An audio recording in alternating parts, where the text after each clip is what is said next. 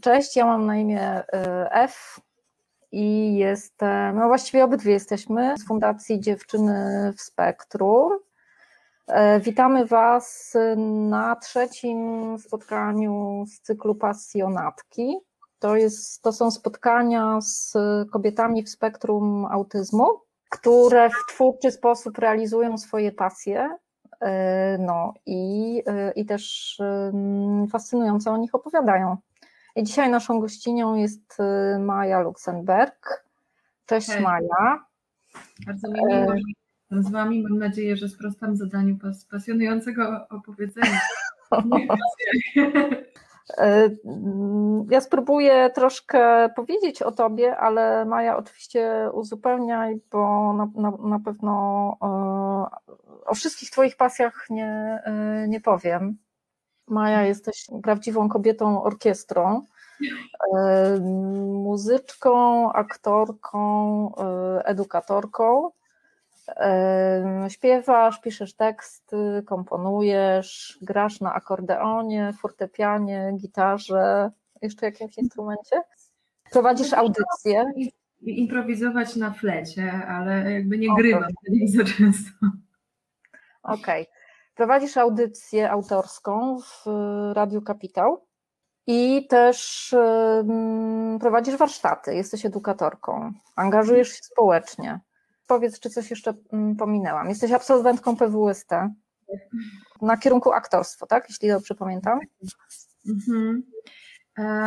My, myślę, że takie z grubsza najważniejsze rzeczy to dobrze wymieniłaś. Na pewno są rzeczy, y, to na pewno są te pasje, którymi się y, aktywnie zajmuję teraz. E, zdarza mi się też,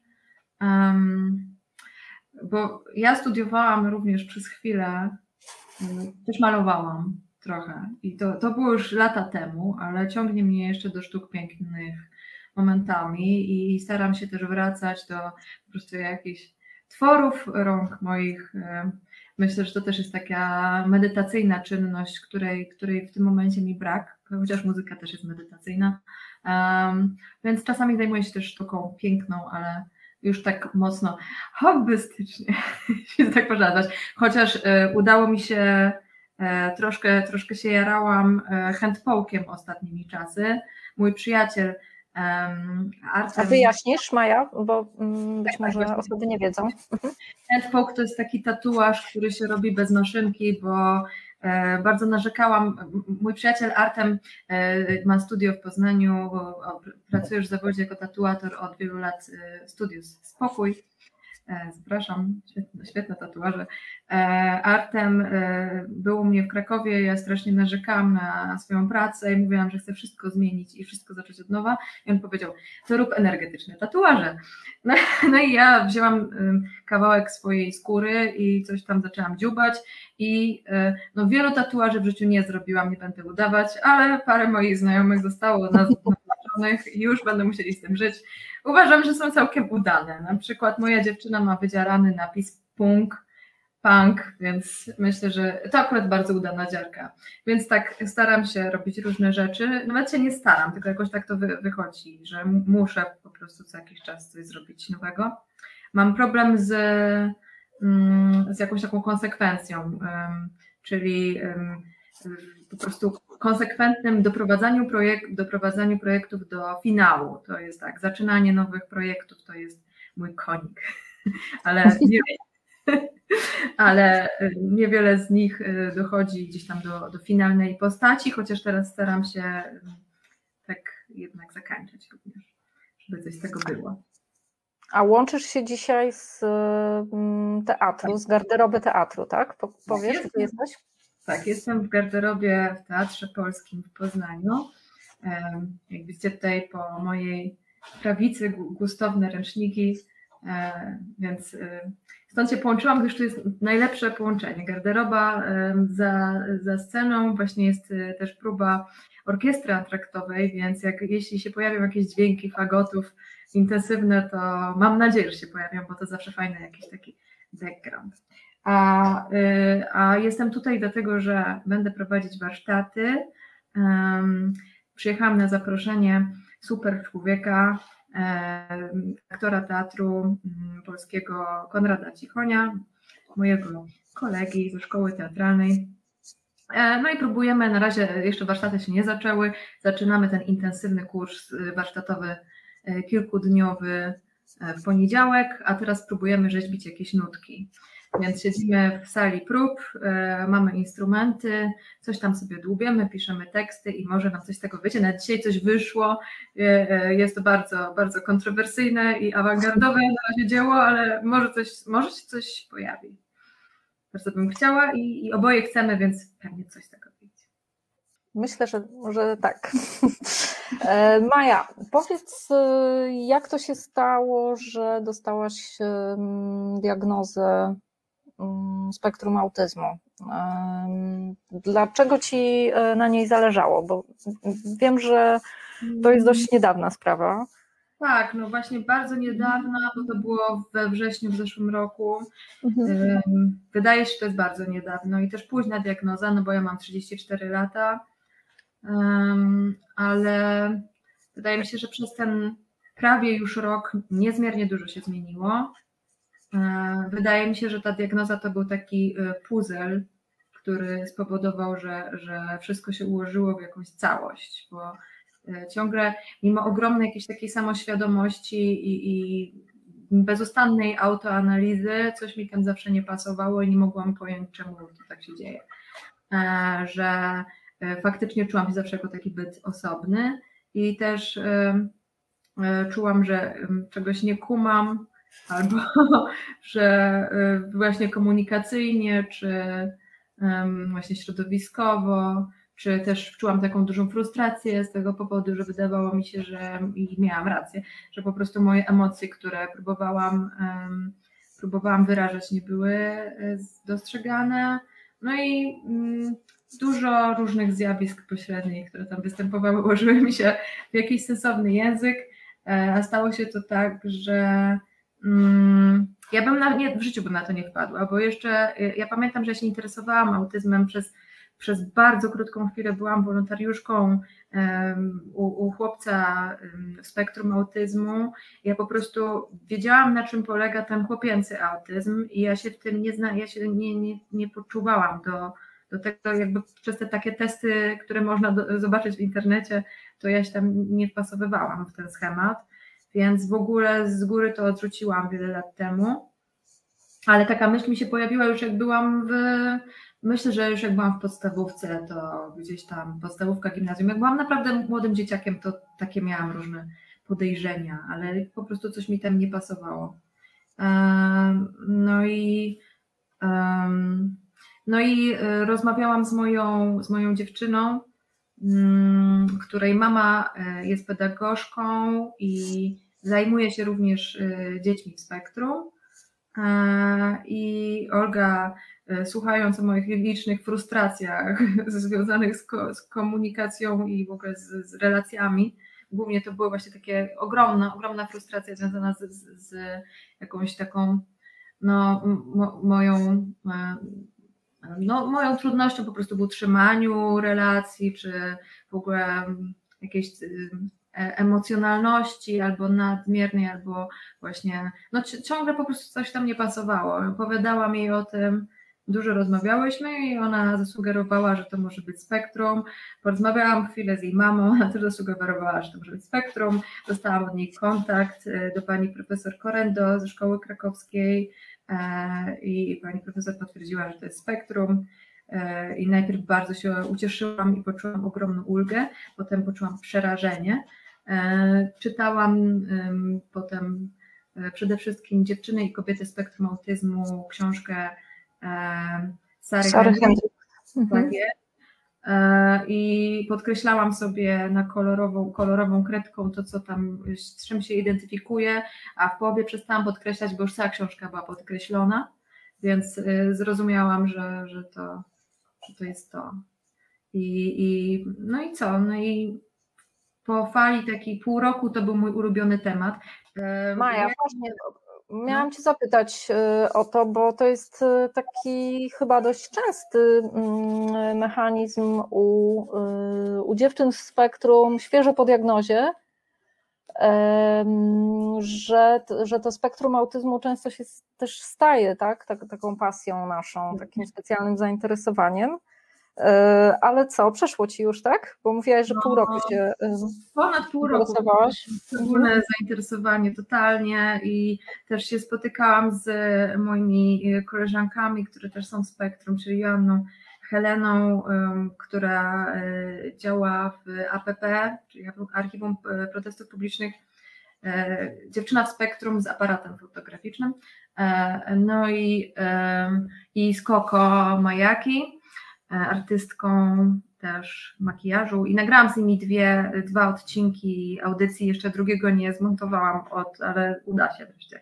E, jest to bardzo, to jest gigantyczna rozmowa rzeka na temat naszych, naszego spektrum i przez bardzo długi czas ja wszędzie słyszałam o spektrum, wszystkim mówiłam o spektrum, jak tylko mi się echem odbijało słowo spektrum, to już musiałam uzupełnić, więc po prostu e, tak, to był na pewno, to na pewno był temat dla mnie duży. Dalej jest, ale już trochę oswojony, myślę.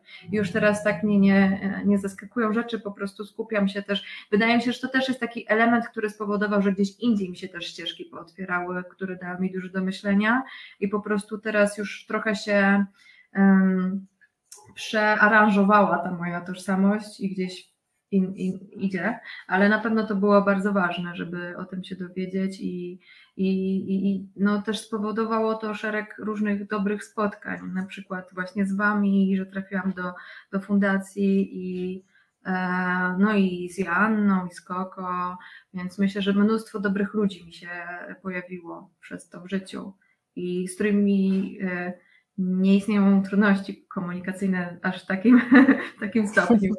E, no, więc no właśnie, tak jakby łatwiej nam się dogadać, nie? Mhm. Mm. Ja, ja mówię, że nie ma takiej czapy informacyjnej. Nie każdy mm. wie, o co chodzi, ale po prostu wydaje mi się, że dużo osób e, e, nie w spektrum normatywnych, no jak to nazwać? E, mm, neurotypowych. Neurotypowych. To mhm. ma bardzo intensywne te wszystkie komunikacyjne um, triki, czy tam, no po prostu są bardzo intensywni, że ja po prostu po jakimś czasie czuję, że mi to tak siada na czapę i tak muszę się za chwilę wycofać. A, a z ludźmi w spektrum tego nie odczuwam i czuję też, przede wszystkim mam tak, od razu czuję taką ulgę, że nie muszę się starać, żeby nie być dziwna, więc mhm. to jest na pewno uwalniające, że... Tak. Że nie muszę się maskować po prostu, prawda? Dokładnie.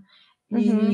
tak samo na koncertach wydaje mi się, że mi się teraz u, uwolniło dosyć, bo e, wcześniej na koncertach bardzo się stresowałam. Dalej się stresuję, ja się bardzo stresuję wystąpieniami publicznymi, mhm. ale wciąż jest, te, teraz jest tak, że ja sobie pozwalam na jakąś ekspresję ruchową, która jest jakaś alternatywna, a wcześniej po prostu starałam się to jakoś ujarzmić i to powodowało, że też nie mogłam tak swobodnie śpiewać, więc po prostu teraz jestem taka, e, się nie, nie, no nie maskuję się, nie kryję. Więc mhm. to, to jest bardzo rozwijające i uwalniające. Tak. Myślisz, że to jest kwestia samoświadomości, czy też e, nie wiem, przepracowania jakichś takich blokad, co do których nie, nie wiem, może nie miałaś właśnie takiego prawidłowego rozeznania, co to jest, no nie? Skąd, się, mhm. skąd się to bierze? E, na pewno świadomości. Na pewno to jest kwestia tego, że ja sobie już tak bardzo nie cisnę jak wcześniej, bo jednak wcześniej wychodziłam z założenia, że to ze mną jest coś nie tak i po prostu ja już tak mam, jestem jedyną taką osobą na świecie i po prostu zawsze będzie mi ciężko, bo po prostu y, jestem jakaś mm, coś, coś po prostu, że taki jest mój charakter, że jestem taką osobą. A teraz, jak wiem, że jest y, to po prostu no, inne oprogramowanie, tak jak ja to lubię mówić, to y, wszystkie, po prostu nie mam powodu, żeby sobie aż tak cisnąć w wielu względach. Cisnę mhm. sobie w tych sytuacjach, po prostu daj, ale w tych y, sytuacjach, w których sobie wcisnęłam z powodu tego, że jestem dziwna, nieprzystosowana, nie wiem, że nie umiem się komunikować, to po prostu już tego nie robię i też no, nie zmuszam się do jakichś sytuacji, które są takie mocno przeciążające sensorycznie. No jak wiem, że będzie gdzieś tłum ludzi, będzie bardzo głośno, no to ja się tam specjalnie nie pcham, bo wcześniej bym miała tak, żebym znalazła się w takim środowisku, to bym musiała się szybko upić na przykład, żeby wytrzymać takie, taki hałas i taką intensywność tak. i tyle różnych komunikatów. A teraz po prostu sobie tego nie robię, bo nie mam powodu. No mam niestety podobne strategie, muszę ci powiedzieć. Ma takie strategie właśnie. No, tak, tak. A mm, powiedz, bo y, no to właśnie jest ciekawe, bo przecież ty występujesz występujesz na koncertach. Powiedz, jak ty to znosisz, bo no, no, no sama, sama też generujesz dużo hałasu, prawda? Przychodzą ludzie, jest głośna muzyka, mnóstwo pewnie interakcji społecznych też ci się zdarza przy tej okazji, bo ludzie chcą porozmawiać, coś tam ci powiedzieć i tak dalej. Jak bardzo to jest dla ciebie przeciążające? To jest właśnie, to jest też zapis jakiejś takiej mojej długiej drogi, dlatego że ja zawsze chciałam śpiewać i czułam, że to wszystko, że to, taka technika, jaką teraz używam, to że ona już jest gdzieś tam we mnie. Tylko, że ja nie byłam w stanie um, przez lata w ogóle postawić sobie takiego zadania śpiewania dla innych osób, bo umierałam, paraliżowało mnie i po prostu pamiętam, jak próbowałam zaśpiewać e, mojemu chłopakowi w gimnazjum jakąś piosenkę, a potem przez wiele godzin płakałam, kiwając się pod kaloryferem, bo dla mnie to było tak stresujące. I ja po prostu wiedziałam, że chcę śpiewać, ale zajęło mi bardzo wiele lat, e, żeby znaleźć się w tej sytuacji, w której jestem teraz, czyli że jestem w stanie zaśpiewać przy kimś od razu, że jestem w stanie podejść do pianina i zagrać. I na przykład w kontakcie, że mm, powiedzmy bliskiej osobie, czy jakiemuś małemu gronu, no bliskiej osobie przyjacielowi, to mogę przyjaciółce, mogę zagrać od razu, ale y, występowanie, występowanie przed publicznością to był kolejny etap. Mm, ja po prostu świadomie wybrałam szkołę teatralną, nie wiedząc o tym, że jestem spektrum, ale będąc totalnie, ja myślałam, że jestem totalną introwertyczką i totalnie nie chciałam być aktorką nigdy, ale zawsze chciałam śpiewać i miałam po prostu takie marzenie, że z doświadczeniem tej szkoły teatralnej będę umiała pokonać tę, tą blokadę i ten stres i że będę umiała występować publicznie. No i gdzieś tam się to udało.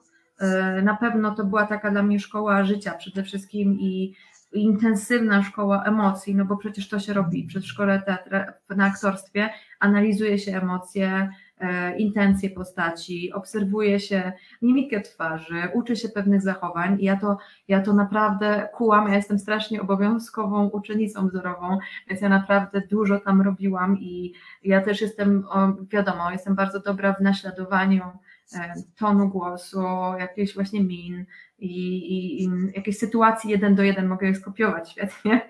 Mam dużo, właśnie ostatnio żartowałyśmy z dziewczyną, że mam strasznie szerokie emploi różnych śmiesznych, charakterystycznych postaci, jakieś e, nie wiem, to jest bardzo, bardzo śmieszne, bo to są zazwyczaj jakieś postaci, których w ogóle już nie funkcjonują w polskim teatrze, na przykład, nie wiem, subiekt, służąca, jakiś parobek, E, nie wiem, e, kawaler z lat 50., dużo głosów śmiesznych, dużo akcentów w ogóle nieużywanych. No ale w każdym razie przerabiałam to bardzo, oglądałam moich kolegów, no i uczyłam się, e, ale no okupione zostało to też moim zdaniem ogromnymi kosztami, bo to był, to był ogromny stres. Ja przez półtora, pierwsze półtora roku myślałam, że zrezygnuję z tej szkoły, a w ostateczności to jest jedyna szkoła, którą skończyłam, znaczy jedyne studia, które skończyłam, dlatego że zaczynałam wiele, wiele kierunków, to jest jedyny kierunek, który udało mi się doprowadzić do końca e, i absolutnie byłam przekonana, że to jest taka droga ku mojemu jakiemuś takiemu e, rzeźbieniu mojej postaci na życie. E, z tych zachowań, których się nauczyłam, i wiem, że mi się, wiem też, te, znam też te momenty, kiedy w życiu codziennym przełącza mi się ta osobowość ze mnie na tą osobowość, na osobowość tą taką aktorską. Moja dziewczyna to zauważyła, jak tylko przyjechałam do Teatru Polskiego, zaczęłam rozmawiać z ludźmi, nagle się urodziła inna postać, która niekoniecznie się skleja z postaciami innymi, które używam. No ale wielu rzeczy się nauczyłam, dzięki temu jestem teraz w stanie śpiewać, ale to wciąż jest bardzo, bardzo stresujące dla mnie. Natomiast uważam, że ten śpiew to jest taki, dla mnie taka platforma komunikacji i to jest taki moment, kiedy ja się czuję wolna e, i kiedy się naprawdę mogę emocjonalnie porozumieć z drugim człowiekiem. No i to jest właściwie to, to jest takie moje spełnione marzenie, bo jak przeglądałam moje stare pamiętniki, to wiedziałam, że już od podstawówki była to afirmowanie tego, żeby kiedyś, kiedyś móc rzeczywiście zaśpiewać komuś coś na scenie więc e, to się udało.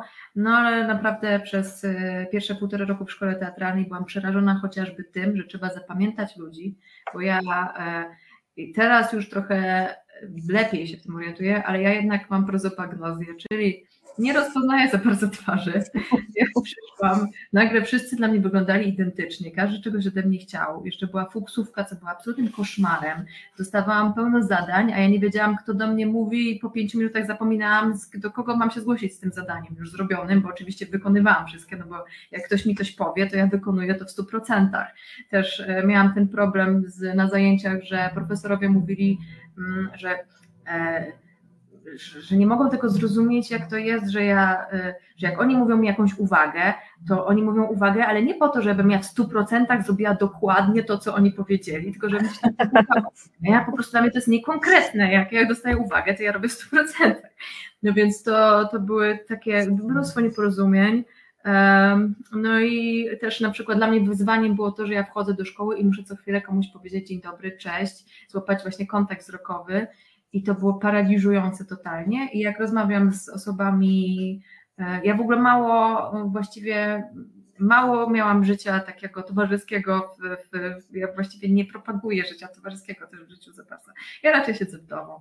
E, wychodzę czasem na jakieś koncerty, e, bo aha, a propos głośności dźwięku, to też jest to, że ja lubię się tak za, odkryłam, jak już jak byłam dzieckiem, że jak jest dużo głośnych dźwięków, znaczy to nie jest żadne odkrycie, to pewnie jest po prostu jak budowa cepa i wszyscy pewnie o tym wiedzą, ale ja tak zaczęłam to stosować w podstawówce, że jak było bardzo dużo głośnych dźwięków, ale to była taka muzyka, w którą chciałam wejść, bo ja bardzo lubię takie ostre granie, jakieś właśnie punkowe czy właśnie metalowe, to jak był, znajdowałam się gdzieś na, na jakimś koncercie i to mnie przerastało, to po prostu zaczynałam krzyczeć i wydawało mi się, że jakby czułam, że ten strumień, co we mnie wchodzi, to on wychodzi ustami, więc ja jakby jestem cała w tym, więc wtedy to mi nie, jakoś nie zagrażało.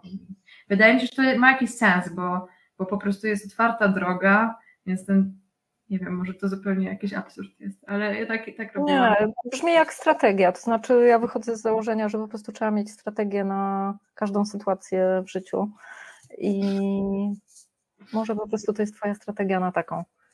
No i też jak ja imituję dużo głośnych dźwięków, to one mi nie przeszkadzają. Jak ktoś, mhm. no to też jest ok, na przykład nie lubię wysokich dźwięków. E, bardzo mnie stresują ludzie, którzy mówią bardzo wysoko. E, mhm. Bardzo mnie mówią szybko. Więc, e, więc tak, no. No, no ale no po prostu wysokie dźwięki, wysokie dźwięki są, są głośniejsze, więc dlatego. Tak. Ale no tak. Czyli Twoje marzenie się spełniło. E, masz swoją, masz swoją kapelę, a za chwilę nagrywasz płytę, tak? Tak, tak. No to, to jest wielkie marzenie, bo już miałyśmy to przedsięwzięcie zrealizować rok temu. Mm, przyszła pandemia, wiadomo, e, a pomysł jest, jest, jest bardzo określony, bo ja już wcześniej próbowałam, bo aha, no to kapela muszę przedstawię, Digibę Brand Vionese Szmata nazywa się, e, czyli Miłość płonie jak mokra szmata. E, w tym momencie jestem to ja, sama performująca z akordeonem. E, nie wiadomo do końca, jaki to jest rodzaj muzyki. Niektórzy mówią, że folk. Ja wszystkim mówię, że to jest punk. Okay. Ponieważ w treści jest to wywrotowe, więc zakładam. Punk z akordeonem, umówmy się. Tak, tak, tak. Można, można. Uważam, że tak. No i, e, no i tak, i to też jest trochę taki performance, bo ja tam y, oprócz śpiewania to mówię bardzo dużo kawałów e, mm, różnej, różnej jakości. To są kawały E, ale jakby po prostu jestem na tej scenie, coś tam wymyślam, rozmawiam z ludźmi i dużo jest śmiechu. E, też jest dużo wzruszeń, bo czasem piosenki mają bardzo wzruszające teksty i melodie, są też odniesienia do polityki, do, do aktualnej sytuacji e, politycznej, społecznej. No są to, to jest kapela queerowa, więc większość z tych piosenek opowiada o miłości kobiety do kobiety, No i też dużo z piosenek protestowych. Przez ostatni rok się nagromadziło trochę protestowych piosenek oporu.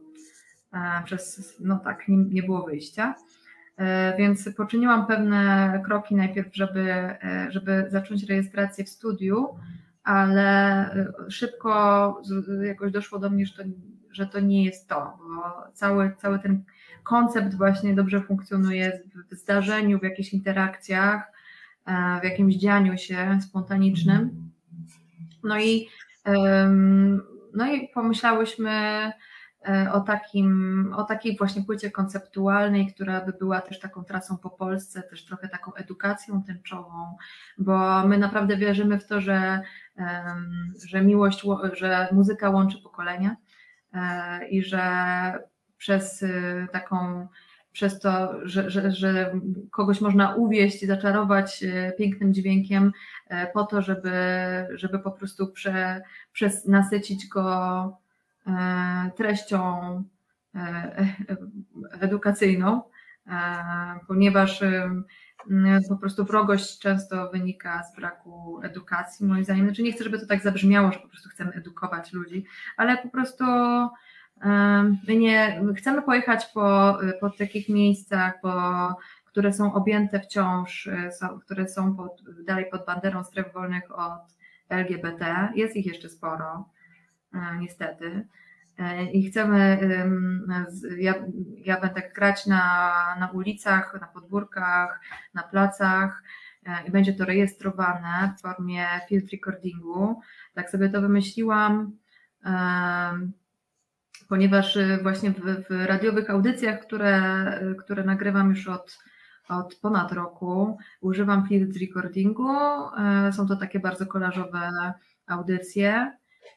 I mi się wydaje, że to jest dobry, mm, jakiś taki dobry, dobre narzędzie, żeby przemycić atmosferę tych spotkań, tych zdarzeń, które mogą się spontanicznie wydarzyć, właśnie z takim założeniem, że ja naprawdę naszym marzeniem jest y, pokazanie, że jednak są super ludzie w Polsce i że możliwy jest dialog i że możemy pogadać jak ludzie i że no, faktycznie nie jest to ideologia, tylko ludzie i że, i że możemy się spotkać pod tą jedną tęczą, że taka naprawdę pozytywna, tęczowa tęczowa edukacja, e, no, spotkania z ludźmi. No i jakby wiesz, cały ten, e, cały ten projekt jest taki do szpiku podwórkowy, uliczny, więc myślę, że jeśli chodzi o atmosferki dźwiękowe, o rejestrację, to ta ulica jest tam niezbędna i szukanie jakiegoś takiego, takiego soundu E, na miejscu, z jakichś pogłosów, z jakichś e, ambientów, które, które muszą się po prostu gdzieś tam znaleźć w tle. E, no i, i takie jest to marzenie, żeby to zrealizować wreszcie, bo już czuję, że trzy lata istniejemy, już mamy 18 piosenek i, i wiem, że są takie osoby, które chodzą, już były parę razy i już, już chcą sobie posłuchać czegoś w domu, a nie czekać, aż będzie koncert za pół roku w mieście więc też, też nie wiem, jakie teraz będą warunki, bo się trochę rozmrozi, rozmroziło w czerwcu, więc e, miałam trochę tych koncertów, a nie wiem, co będzie dalej. No i chciałabym, żeby coś zostało po tym projekcie, żeby, żeby można było tego posłuchać w domu. No ja właśnie ciągle nie dotarłam na Twój koncert. Cały czas planuję. Mam nadzieję, że niedługo się uda. Będzie w Krakowie, myślę. Super. E, właśnie wstępnie gadałam z Paonem, e, że będzie 28 sierpnia, to jest piątek i będzie to podwórkowy koncert, także zapraszam do Paonu. Wspaniale. E, trzymam kciuki za całą Twoją trasę. Jest to fantastyczny pomysł, a 18 piosenek to brzmi jak podwójna płyta już co najmniej. Myślę też, że tam nie obejdzie się też bez jakichś humorystycznych e, wstawek, e, moich takich narracyjnych. No, dzięki, że trzymasz kciuki. Mam nadzieję, że to się wydarzy na początku września. Chcemy to nagrywać. Jeszcze będziemy musiały zgromadzić na to jakieś zasoby finansowe, więc trochę teraz jest główkowania. E, Więc tak, no właśnie nie wiem nawet jak o tym mówić, bo tu tyle jest po prostu, e, teraz jesteśmy na łączach cały czas i, i kombinujemy. Mam nadzieję, że się po prostu to wydarzy. E, więc mhm. trzymajcie proszę. Zahaczyłaś o y, trudny temat pod tytułem pieniądze. Mhm, tak. E, więc e, chciałabym to przez chwilę pociągnąć, ale właśnie w kontekście mm, pasji, bo mhm. Ja osobiście uważam i też myślę, że w bardzo wielu przypadkach to się sprawdza bardzo fajnie, kiedy ludzie w spektrum autyzmu wykorzystują swoje pasje w życiu zawodowym. Mhm. No bo wiesz, jak jest w tym życiu zawodowym, prawda? Ty też, ty też pracowałaś przez jakiś czas na etacie, mhm. więc e, też e, może chwilę powiesz, jak, jak ci tam było, natomiast no właśnie z, optymalna chyba sytuacja jest taka, zresztą podejrzewam, że nie tylko dla autystycznych osób, e, kiedy w pracy lubi się to, e, robi się to, co się lubi, tak? E, kiedy, mm, kiedy interesuje cię to, czym się zajmujesz, no a w, dla autystycznych osób to często jest e, w ogóle jakaś absolutna podstawa, to znaczy, kurczę, trudno jest wytrzymać, prawda, w takiej, no. e, w takiej pracy, jeśli ona cię kompletnie nie, e, nie interesuje, ale jakby druga strona tego medalu to jest oczywiście jak utrzymać się z, z tych pasji, bo często to są takie pasje, no jednak niezbyt, niezbyt opłacalne. Jak, jak ty sobie radzisz, powiedz? Hmm, no tak, właśnie teraz trochę lepiej wydaje mi się. Znaczy tak, bo od czerwca mm, jakby zacznę może od tego najświeższego etapu, e, bo faktycznie e, od czerwca trochę zerżały te obostrzenia, więc ja miałam trochę więcej koncertów warsztaty też prowadziłam. Ja już przez te lata, kiedy cały czas zajmowałam się różnymi, coraz to innymi rzeczami, to trochę mam całą kolegę różnych y, profesji, więc e, trochę mogę, e, co mnie cieszy, chociaż ja bardziej wolę specyficznie się na czymś skupić, wiadomo, e, ale, ale no, no właśnie jest ta edukacja, co cieszę się, że też jest y, chociaż na początku była mi bardzo odległa, e, bo mi się wydawało zawsze, że będę taką e, artystką osobną i że najlepiej to monologi i piosenki tylko smutne i tyle. E, ale, ale tak, no teraz jakoś uda, jakoś tak lepiej się poczułam. Nie wiem, jak będzie dalej, no bo teraz już jestem przerażona, bo wszyscy mówią, że od sierpnia znowu, ale nie wiem, że nas zamknął. Nie wiem, co wy na to. E, może nie, ale, ale właśnie co, znowu trzeba coś kombinować i, i teraz robię bardzo dużo, dużo, żeby po prostu zabezpieczyć się na tą e, ewentualność. E, no ale no tak, były też cienkie czasy. Ja mam w ogóle problem z utrzymaniem, no właśnie, tak jak nie skończyłam żadnych studiów oprócz tego aktorstwa, a zaczynałam i teatrologię, i byłam na SP, na malarstwie, E, byłam na reżyserii przez pół roku, byłam jeszcze na czymś tam byłam, już nie pamiętam. Przez chwilę byłam na performatyce, e, więc jakby co chwilę coś tam zaczynałam i w ogóle tęsknię za studiami. Chciałabym jeszcze coś porobić takiego y, intelektualnego, żeby mieć jakąś taką bazę, która mnie gruntuje, bo teraz cały czas gdzieś tam latam. A fajnie mieć kontakt też z, z tym, co się na przykład czyta aktualnie, z jakimiś. Y, E, i ludźmi spoza środowiska też teatralnego. Myślę, że to jest fajne. E, więc też o tym myślę. Nie wiem, czy to nie będzie kolejny jakiś pomysł. E, tak. Ale mm, no tak, więc jakby tak samo miałam z pracą i no, że stałam się edukatorką w Starym Teatrze i, i pracowałam przez y, dwa lata. To jest jedyna moja taka, jedyny taki stały mój związek pracowy. E, że byłam faktycznie na etacie. I to, było, to była praca pełna wyzwań, po, po, chociaż podejrzewam, że jakby ktoś inny znalazł się na moim stanowisku i teraz jest inna osoba na moim stanowisku, więc nie, nie gadałam z Łukaszem dawno, ale muszę się dowiedzieć, jak tam mówicie. Podejrzewam, że zupełnie ma inne doświadczenie niż ja. Po prostu ja, ja znajdowałam codziennie jakieś wyzwania, żeby, żeby się tam znaleźć.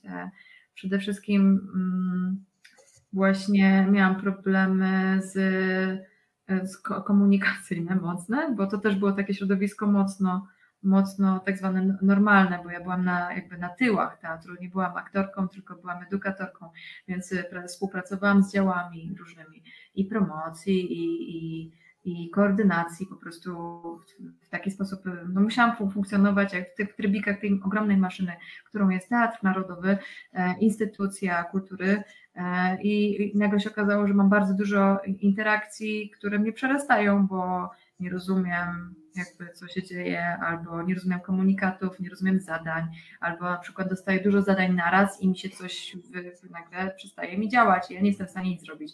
Muszę wykonywać telefony. Moja praca głównie polegała na wykonywaniu telefonów, a ja do dzisiaj mam tak, że muszę wykonać telefon, to muszę się schować pod kaloryferem. Um, osoby, które pracowały w teatrze, widziałem mnie głównie, jak siedzę gdzieś tam w kącie kłodzki i próbuję wykonać telefon.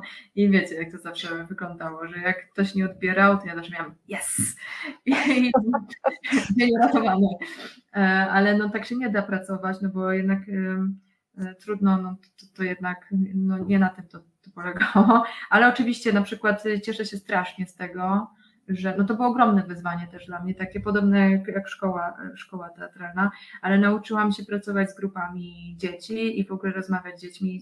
Nie miałam wcześniej, nie miałam wcześniej kontaktu z dziećmi, bo ja nie mam młodszego rodzeństwa, no i po prostu nie miałam takiego doświadczenia i to było szalenie rozwijające i w ogóle e, no mega otwierające to dla mnie było. Bardzo bardzo się cieszę z tego doświadczenia.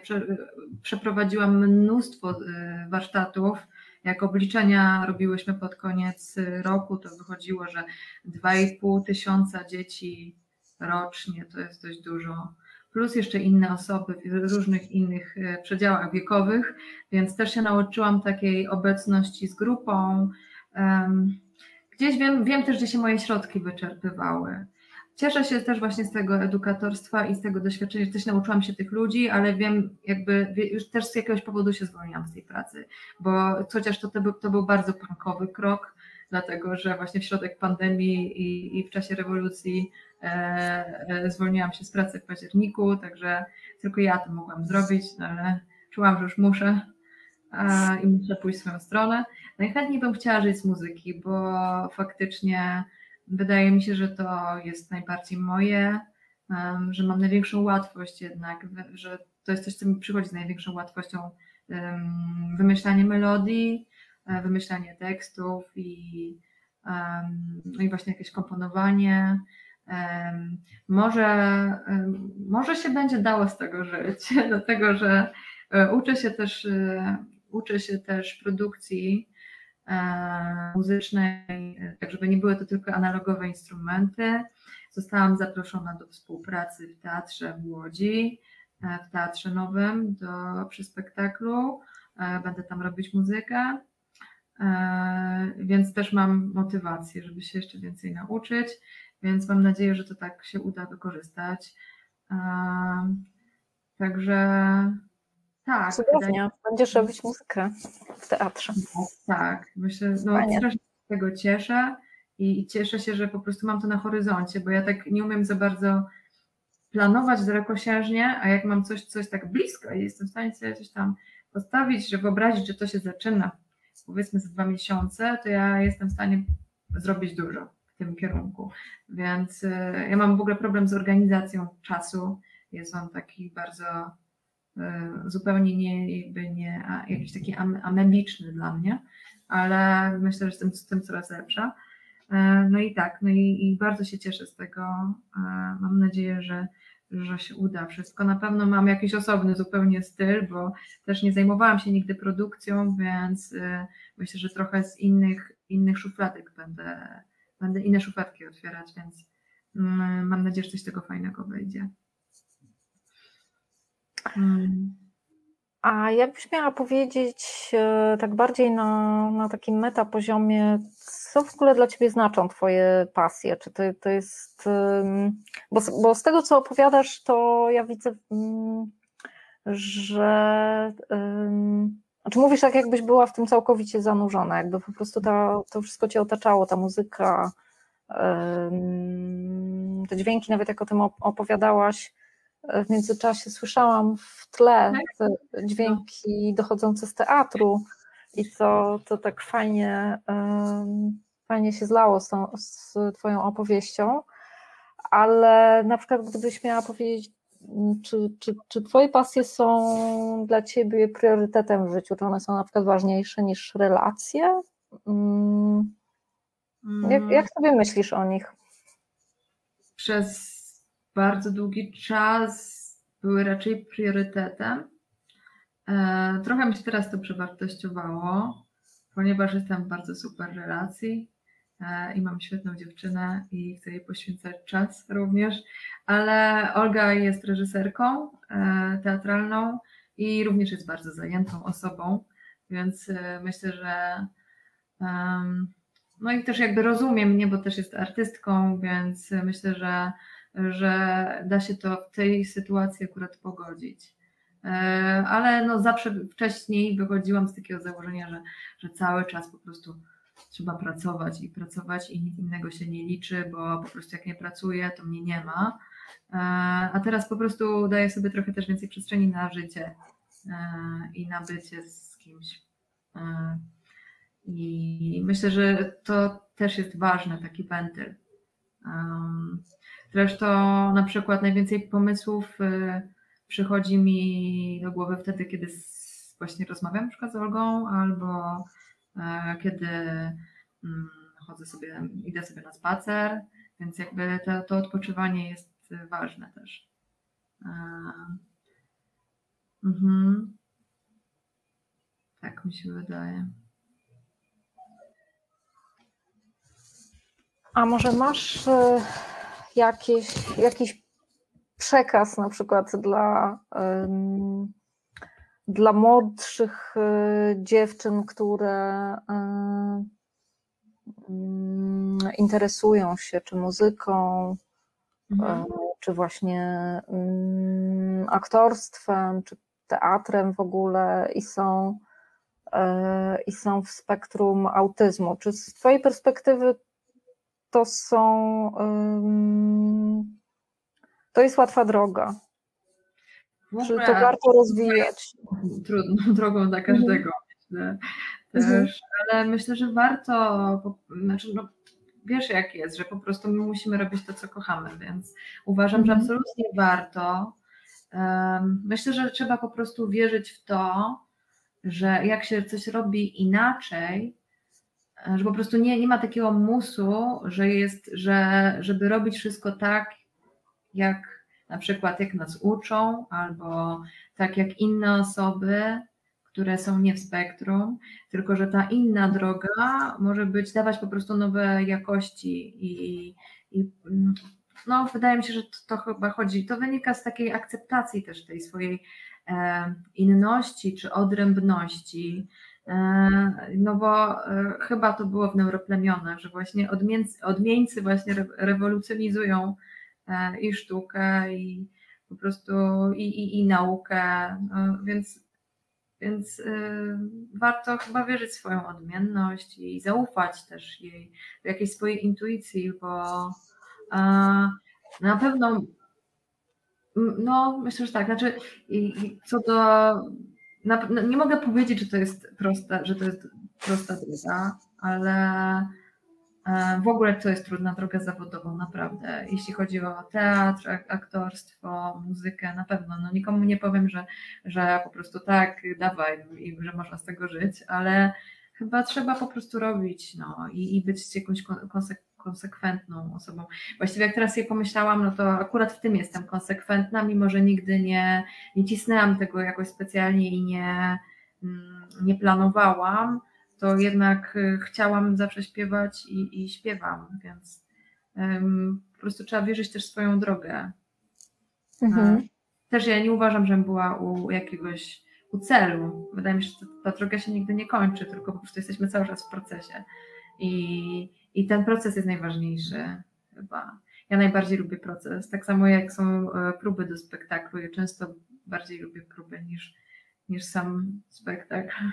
Bo się więcej rzeczy wydarza, jakichś takich spontanicznych mikro momentów, które potem są bardzo rozwijające, a których trudno przemycić na spektaklu. Więc e, tak, no. Muzykę polecam wszystkim. Na pewno przydaje się też e, wsparcie najbliższych osób, prawda, w, w takich e, wyborach życiowych. Powiedz, hmm. jak, jak Twoja rodzina reagowała właśnie na zmiany kierunków, studiów? No nie byli jacyś super zachwyceni. W ogóle nigdy nie byli zachwyceni tym, że poszłam na aktorstwo, bo mhm. zawsze słyszałam, że to jest najgorszy zawód świata i ja w ogóle to jest taka, no wydaje mi się, że ja tam poszłam jakby z tego powodu, e, nie wiem jak to powiedzieć, bo pewnie wszyscy się, wszystkie osoby, które chciały się dostać do szkoły teatralnej, to by się na to bardzo na mnie oburzyły, bo ja po prostu nigdy nie chciałam być aktorką, nigdy nie chodziłam na te konkursy recytatorskie i jakby nie miałam sobie takiej kondycji ani takiej gotowości, żeby występować. Nie czułam się taką osobą, po prostu byłam zawsze taką introwertyczką, która sobie coś tam rysowała. Myślałam, że będę rysować, będę malować, czy coś tam będę pisać. No ale chciałam, w pewnym momencie poczułam, że, że że jak nie spróbuję, nie podejdę nigdy do tego egzaminu, to nigdy się nie przekonam, czy byłabym w tym dobra. I potem się dostałam i byłam totalnym, byłam totalnie przerażona, że się dostałam i nie spodziewałam się tego zupełnie i musiałam się potem jakoś z tym zmierzyć, ale też miałam taką zawsze jakąś taką mam, jestem strasznie uparta i po prostu też wiedziałam, że muszę, wtedy miałam, tak mi się wydawało, że muszę się do tego zmusić, żeby po prostu nie być cały czas z boku, nie być cały czas outcastem i po prostu e, umieć funkcjonować w sytuacjach społecznych, bo bo bywało bardzo ciężko, że miałam problem, żeby kupić bilet, czy nie wiem, pójść do sklepu, załatwić jakieś podstawowe sprawy, e, a nauczyłam się tego przez to, że byłam w szkole, no, ale no właśnie okupione to było dużym kosztem, więc e, no moi rodzice w tym momencie są bardzo wspierający, no ale to po prostu była bardzo długa droga i też musieli przejść ją ze mną, gdzie ja też się uczyłam siebie i dopiero teraz jestem może bliższa tego, żeby, żeby mm, jakby móc mm, z jakimś większym przekonaniem um, powiedzieć może kim jestem, czy na czym polega, jaka jest moja tożsamość, taka moja, moja jakby naprawdę, no to na pewno mi ułatwiła ta diagnoza, żeby mi się to poskładało. No i, y, no i po prostu moi rodzice ze mną to przeszli. I, i, I no nie byli zadowoleni, oczywiście, jak poszłam do. Jak co chwilę zmieniałam studia, jak się nie mogłam zdecydować, jak nie umiałam żadnej pracy utrzymać i w ogóle jakby byłam taka nie za bardzo e, ogarnięta życiowo. Dalej nie jestem super ogarnięta życiowo, ale no to już teraz wiedzą, że tak tak funkcjonuje no, i, i, są bardzo wspierający w tym. Właśnie byli ostatnio mnie na koncercie i byli bardzo kochani, śmiali się z moich głupich żartów, więc... To najlepiej. Tak. Super. No słuchaj, no nie widzę mm, pytań. Może jeszcze powiemy Państwu, y, bo tak, rozmawiałyśmy trochę o Twojej audycji, więc może przypomnijmy, że prowadzisz audycję w Radio Kapitał. Audycja się nazywa Radio tak. Apokalipsa. Tak. W ogóle wspieram mega i mhm. polecam Radio Kapitał. Jest to taka oddolna inicjatywa Justyny Banaszczyk i Darka Pietraszewskiego i mnóstwo, to jest gigantyczny kolektyw, w tym momencie jest ponad 300 audycji um, i świetne rzeczy się tam pojawiają i taka właśnie anarchistyczna e, struktura um, dużej wolności, um, więc ja zawsze chciałam prowadzić radio i i lubię dźwięki. I, i, po prostu też mm, one są dosyć specyficzne te moje audycje, bo ja zawsze się staram jakąś tam dramaturgię taką prowadzić, żeby, żeby one też były trochę edukacyjne, trochę e, przemycam literatury, trochę jest trochę jest poezji, wcześniej były jakieś moje wiersze na początku nawet, teraz ostatnio to zarzuciłam, bo już mi czasu nie starczało. Miesiąc temu robiłam audycję Czarne Serce, to był też to był też soundtrack do wystawy mojej koleżanki Basi Butniak, fotografki. E, to jest taka instalacja soli, soligraficzna, e, tak mówię, soli, solarigraficzna, solarigraficzna. E, można ją w tym momencie w Warszawie oglądać, wcześniej była już w Łodzi i, i w Krakowie i cały czas też jest z, z, z moim dźwiękiem. Więc to na zasadzie takiego field recordingu i tam są też rozmowy, jakieś strzępki rozmów, podsłuchane sytuacje, e, czasem moje rozmowy z kimś. Ostatnio jest dużo Olgi, mojej dziewczyny, e, też są piosenki, jakieś kawerki moje i, i to się składa zazwyczaj w jakąś taką opowieść o aktualnym czasie. E, trochę jest to taki mój dźwiękowy pamiętnik, trochę jest to taka kronika naszych czasów, zaczęło się to w marcu w zeszłym roku, więc e, dlatego. I trzy są audycje mocno protestowe, bo ja faktycznie jeździłam wtedy z akordeonem po strajkach. To też było, no to też było wielkie wyzwanie. Zostałaś Bartką rewolucji. No może nie, ale jakimś tam ko, kocięciem, może jakimś, nie wiem, matką, no nie, ale no, byłam grajką, grajką, tak, z akordeonem e, trochę zagrałam, znaczy no przede wszystkim mocny był ten, naj, najmocniejszy dla mnie był ten strajk w, w Zakopanem, bardzo poruszające to było, bo to był temat nie tylko e, aborcji, ale też e, tej konwencji antyprzemocowej i, i dziewczyny ze strajku kobiet pod Hale, no były wspaniałe, miały bardzo poruszające przemówienia i, i są też świetne osoby, e, więc cieszę się też, że ich poznałam. No ale to, to też było mocno hardkorowe doświadczenie, e, te strajki dla mnie. Jakby stosowałam wprawdzie swoją technikę krzyku, bo dużo krzyczałam, ale, ale no a potem bardzo długo, właściwie styczeń, luty, marzec, prawie w ogóle nie wychodziłam z domu tylko jakoś to musiałam, musiałam się uspokoić, więc gdzieś tam, no tak, więc tak to, wydaje mi się, że to było pokłosie tego, tego doświadczenia, bardzo intensywnego.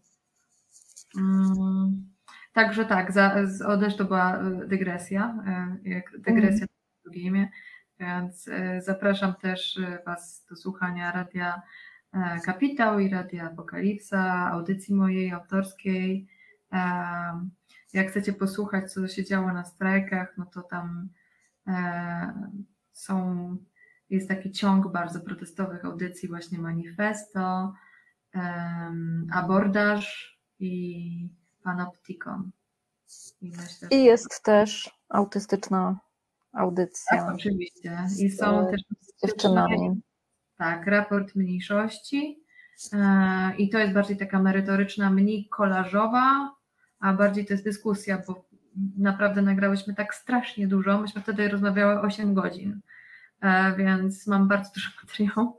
I e, po prostu e, już, już się wtedy podjęłam decyzję, że to będzie bardziej dyskusja, taka bardziej klasik audycja, więc jak też wtedy to był taki czas, że ja bardzo dużo mówiłam o autyzmie, a dużo osób mi mówiło, że nie wyglądam i że na pewno coś ściemniam, w ogóle cieszę się, bo ostatnio czytałam, wreszcie przeczytałam Cukry i to jest niesamowite, że e, to jest jakieś tak dla mnie wzruszające.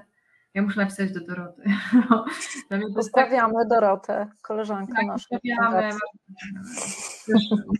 E, to jest niesamowite, że po prostu, że, że my jesteśmy ilekroć spotykam kogoś, dziewczynę w spektrum, to my jesteśmy tak absolutnie różne i tak podobne, że to jest nie, trudne do ogarnięcia. Ja właśnie czytam jakiś fragment i mówię do, y, i widzę, że to w ogóle jest taka tendencja, że cały czas się podważa tą swoją diagnozę, tak. że mhm. może sobie coś mówiłam jednak, że dużo o tym czytałam, wiem już o tym dużo, więc na pewno oszukałam tą panią, jak mnie. No ale to wiesz, że to dziewczyny tak mają, nie? Tak, więc... E... Mhm. Więc czytam, czytam książkę Doroty i, i mówię do Olgi, ona, ja chyba nie jestem jednak spektrum, popatrz, zupełnie to nie jest o mnie, że to nie pasuje. A Olga czyta i mówi, Maja, przecież to jest właśnie o tobie, jesteś identyczna, właśnie to jesteś. Więc jest to dla mnie, no bardzo, bardzo i też jej droga, droga i, i rodzinne sytuacje, bardzo to dla mnie była wzruszająca książka, bardzo piękna, też polecam, jak jeszcze nie Tak. Tak, no ja uważam, że mm, w ogóle Drota zrobiła niesamowitą rzecz i że to jest y, tak wspaniałe i tak piękne, że teraz wreszcie te osoby będą miały się w czym przejrzeć, nie? Mhm. Że po prostu nie było takich książek, bo jakby w ogóle w języku polskim nie było takich y, dla nas książek. I że, mm, I że te dziewczyny jeszcze przed diagnozą, a być może właśnie zaraz po, że, e, że po prostu dostały takie, takie niesamowite narzędzie do, do tego, żeby się mm, poprzeglądać w tym. Mhm. No, to jest bardzo ważne. Mhm taka identyfikacja. Ja też po tej audycji, gdzie rozmawiałyśmy z Joanną i z Koko, też dostawałam wiadomości na Instagramie, że dziewczyny pisały, że są przed diagnozą, ale się rozpoznają w tym i że dużo im to dało, więc to są dla mnie bardzo ważne głosy i, i cieszę się, że po prostu ta, ta e, praca, którą wykonuję, e, że to nie jest tylko taki samotny głos puszczony w eter, tylko że to ma jakiś sens, mm, więc to zawsze mnie cieszy. Super. Mamy pytanie, bardzo konkretne. muszę zobaczyć, czekajcie. Czy diagnoza u profesor Korendo to jedna wizyta, czy na diagnozę potrzeba więcej spotkań? Ja miałam akurat y, jedną wizytę, bardzo długą, ale też jestem w stałym kontakcie z panią profesor. E, także jest to takie wsparcie długofalowe. Mhm. Tak, rozmawiamy czasem i też wymieniamy się mailami, e, no bo ja jednak preferuję maile niż, e, niż wiadomo, niż rozmowy. Telefony. Powiedzmy może od razu, że no nie ma takiego standardu diagnostycznego, mhm. że to zależy od miejsca, mm, gdzie się osoba uda. Nie ma też standardu dla dorosłych osób, natomiast przyjmuje się za dobrą praktykę taką opcję, jeśli e, diagnozuje więcej niż jedna osoba jednak, e, czyli że jest jakaś powiedzmy komisja i, i że tak naprawdę psychiatra potwierdza tylko diagnozę i że e, najpierw ma się kontakt właśnie z, z osobami różnych specjalności, na przykład z psychologiem, psycholożką czy pedagogiem i tak dalej. E, no ale oczywiście ostateczną diagnozę stawia psychiatra. Mhm. A za jakby najlepsze narzędzie diagnostyczne uznaje się ADOSA 2. Mm, w przypadku dorosłych kobiet różnie to bywa. Są takie badania dr Rynkiewicz, które mm, wykazują, że e, czasami ADOS 2 nie potwierdza takiego wywiadu klinicznego, z którego wynika, że osoba jest w spektrum autyzmu, e, więc możemy założyć, że oprócz dobrego narzędzia diagnostycznego potrzebna jest jeszcze wrażliwość na różnice płci i, mhm. i różnice wieku. E, I ciągle, ciągle takich miejsc, gdzie jest ta wrażliwość na, na różnice płci i wieku, jest w Polsce za mało. Więc no my też w fundacji będziemy jakby y, starać się o to, żeby, mm, żeby ta świadomość y, właśnie tej specyfiki, bo też mówiłaś Maja o tym, że jesteśmy bardzo różne, ale jednocześnie mm, bardzo podobne, że jest jednak tak, ta, ta specyfika dziewczęcego czy kobiecego spektrum, którą jednak da się wyłapać w bliskim kontakcie i w takim kontakcie specjalistycznym. E, będziemy się na pewno starać, żeby, żeby ta świadomość e, w ośrodkach diagnostycznych e, i wśród specjalistów była jednak coraz, coraz większa. Mhm. To co, chyba będziemy powoli kończyć. Maja, czy jeszcze um, chciałabyś coś przekazać osobom oglądającym nas? No, zastanawiam się, czy mam jakąś y, myśl na zakończenie, jakieś motto, ale nie wiem. E, dużo mówiłyśmy fajnych rzeczy, w sensie takich bon, nie wiem może, ale myślę, że może mam nadzieję, że, że jakoś to było, um, że jakoś Wam to dodało otuchy gdzieś tam momentami.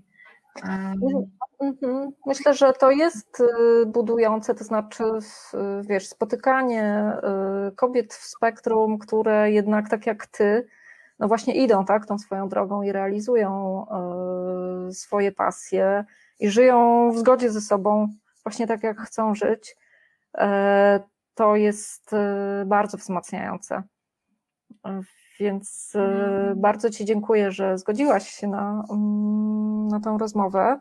No ja i też mam nadzieję, mam nadzieję, że y, będziesz w fundacji prowadzić też y, zajęcia edukacyjne i że będzie szansa z Tobą się spotkać też jakoś tak bardziej warsztatowo.